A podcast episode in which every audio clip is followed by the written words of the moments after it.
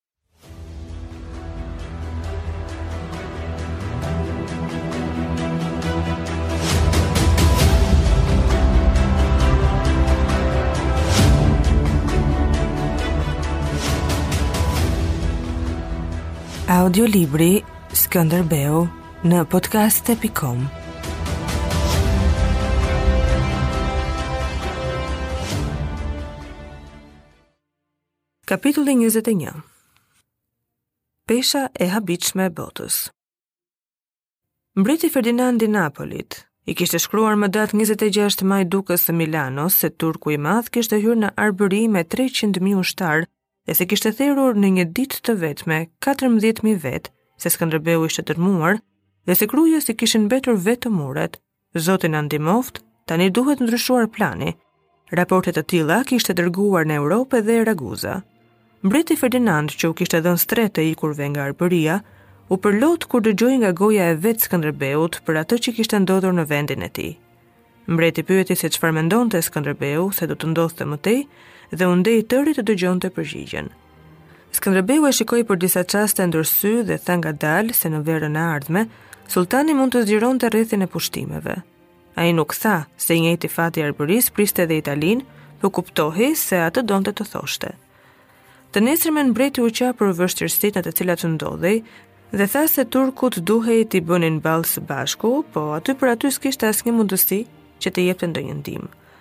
Veçse ai do t'i shkruante papës që t'i jepeshin Skënderbeut fondet e kryqezatës. Pal Engjëlli i kishte shkruar nga Venediku se doxhi do t'i dërgonte një letër papës për ta ndihmuar me gjithçka Skënderbeun. Këtë po bënte edhe Napoli. Skënderbeu u nis për në Romë me mendimin e hidhët se gjithandej do ta përcillnin me letra dhe kjo do të shihej më mirë kur të arrinte në Selinë e Shenjtë. Skënderbeu arriti në Romë në vitin 1466 më 17 dhjetor, i përcjellë nga kryepeshkopi Andrea, komandanti i gardës Konstantin Stresi, arkëtari Dhimitër Frengu dhe shtatë kalorës. Grupi i vogël eci me kuaj përmes qytetit. Ishte pasdite e ngrohtë prag Krishtlindjesh. Zonja në karroca dhe fisnikë në kuaj ktheheshin të shihnin këtë grup shqiptarësh. Pritej Skënderbeu, Aleksandri i Ri i Maqedonisë. Mbase këta ishin përçues të lodhur dhe dukeshin tepër të varfër për të qenë lajmëtarët e një princi. Në sytë e Skënderbeut, kalimtarët e qeshur që mbushnin qytetin me zhurmë ngjanin si ca krijesa të dala përkohësisht mbi tokë, njerëz të huaj në vetë qytetin e tyre. Ky ishte krishtërimi që dëfrehej e zbukurohej si i sëmurë para vdekjes. Për ta, turku gjendej në anën tjetër të dheut dhe aty bëhej një luftë me mjete dhe gjakderdhje të skëterrës. Por fati i qytetit të tyre, që ishte qyteti i botës, s'kishte të bënte me ngjarje të tilla të llahtarshme. Skënderbeu rifitoi aftësinë e të parit kur zbriti nga kali para shtëpisë së një epirioti në Fontana di Trevi, ku do të banonte si mik bashkë me Peshkop Andrean. Të tjerët do të banonin në një bujtinë atje afër. Kur u ngjit lart në dhomën e tij, e pushtoi prapë ajo ndjenja e vetmisë që pati në rrugë. Ai e pyeti veten i habitur se ç'bënte atje. U ngrit dhe u rrotullua që të çmpinte trupin dhe qëndroi përpara dritares. Në rrugë po mblidheshin njerëz, flisnin nën zë dhe kërkonin me sy dritaret. Skënderbeu qëndroi në kalë në hyrjen e sheshit të Vatikanit, i habitur nga madhështia kur papritur. Përballë ishte kisha e Shën Pjetrit dhe në krah të saj ishte selia e Papës. Rreth sheshit të madh, të lagur nga shiu, të qarkuar me shtylla e harqe mermeri, njerëzit dukeshin të vegjël. Kjo ishte qendra e botës ku thureshin fatet e luftëtarëve, mbretërive e popujve dhe ku çdo gjë duhej të zgjidhej në mënyrë të drejtë e të barabartë. Për 20 vjet Skënderbeu kishte marrë prej aty vetëm tituj nderi, puthjen e kryqit dhe disa ndihma që as duheshin zënë me gojë, por ajo mund të ishte dita që t'i kthente punët për së mbari.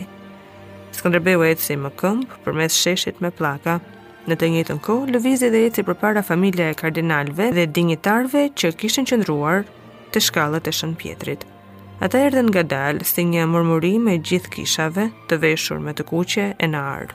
Duart i mbanin mbi barqe, disa tepër të ngjallur dhe disa tepër të thatë, por që të gjithë vigjilë të Zotit, si një parathënie e trishtuar e amshimit, ku s'mund të kalosh pa dhënë prova se ke vdekur i mbërthyer në kryq, i vënë në hu ose së paku nga uria. Kardinalët kishin pritur të shihnin Aleksandrin e Ri, ndërsa para tyre qëndronte një plak 60 vjeçar që tregonte sa për 70, por ende i fortë, i gjatë e i kërrusur. I thatë si një hark i ndehur, i veshur si malësor, me qeleshen e bardhë në kokë dhe i armatosur me një shpatë të rëndë. Ai dukej i varfër si një i sëmurë i madh, të cilit duhej t'i bëheshin shërbesat e fundit. Disa nga kokat e kardinalëve lëvizën nga mendimi se më në fund e gjitha kjo do të ishte diçka zbavitëse. Por një valë e dytë mendimi ra mbi fytyrat e bardha e të zbeta. Ky vizitor i çuditshëm mund të ishte i rrezikshëm, Sytë e tij të ndezur sigurisht ishin mbërthyer mbi arkën e Vatikanit. Ai mund të kishte ardhur për ta tërhequr papën në andrallat e luftës.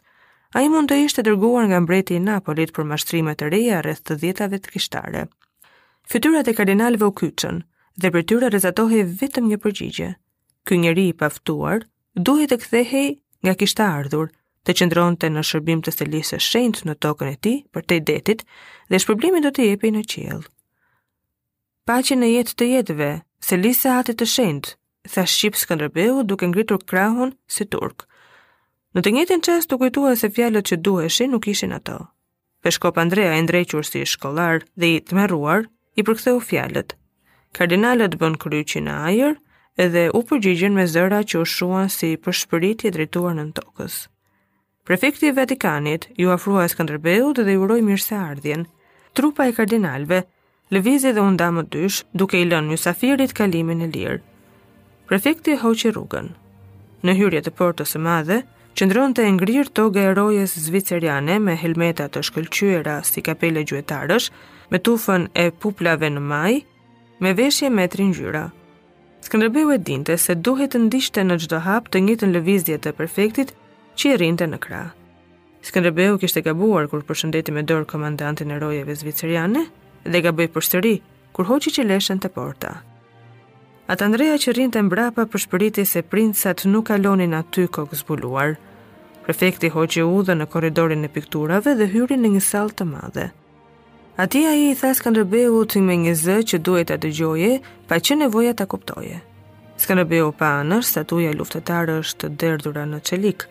Pastaj e kuptoi se ishin njerëz, karrocierët e famshëm të Vatikanit. Skënderbeu u lodh duke ndaluar në çdo shkallë siç bënte prefekti, por më në fund, u gjet prapa një dere me dru arre që të çonte në dhomën ku rrinte papa.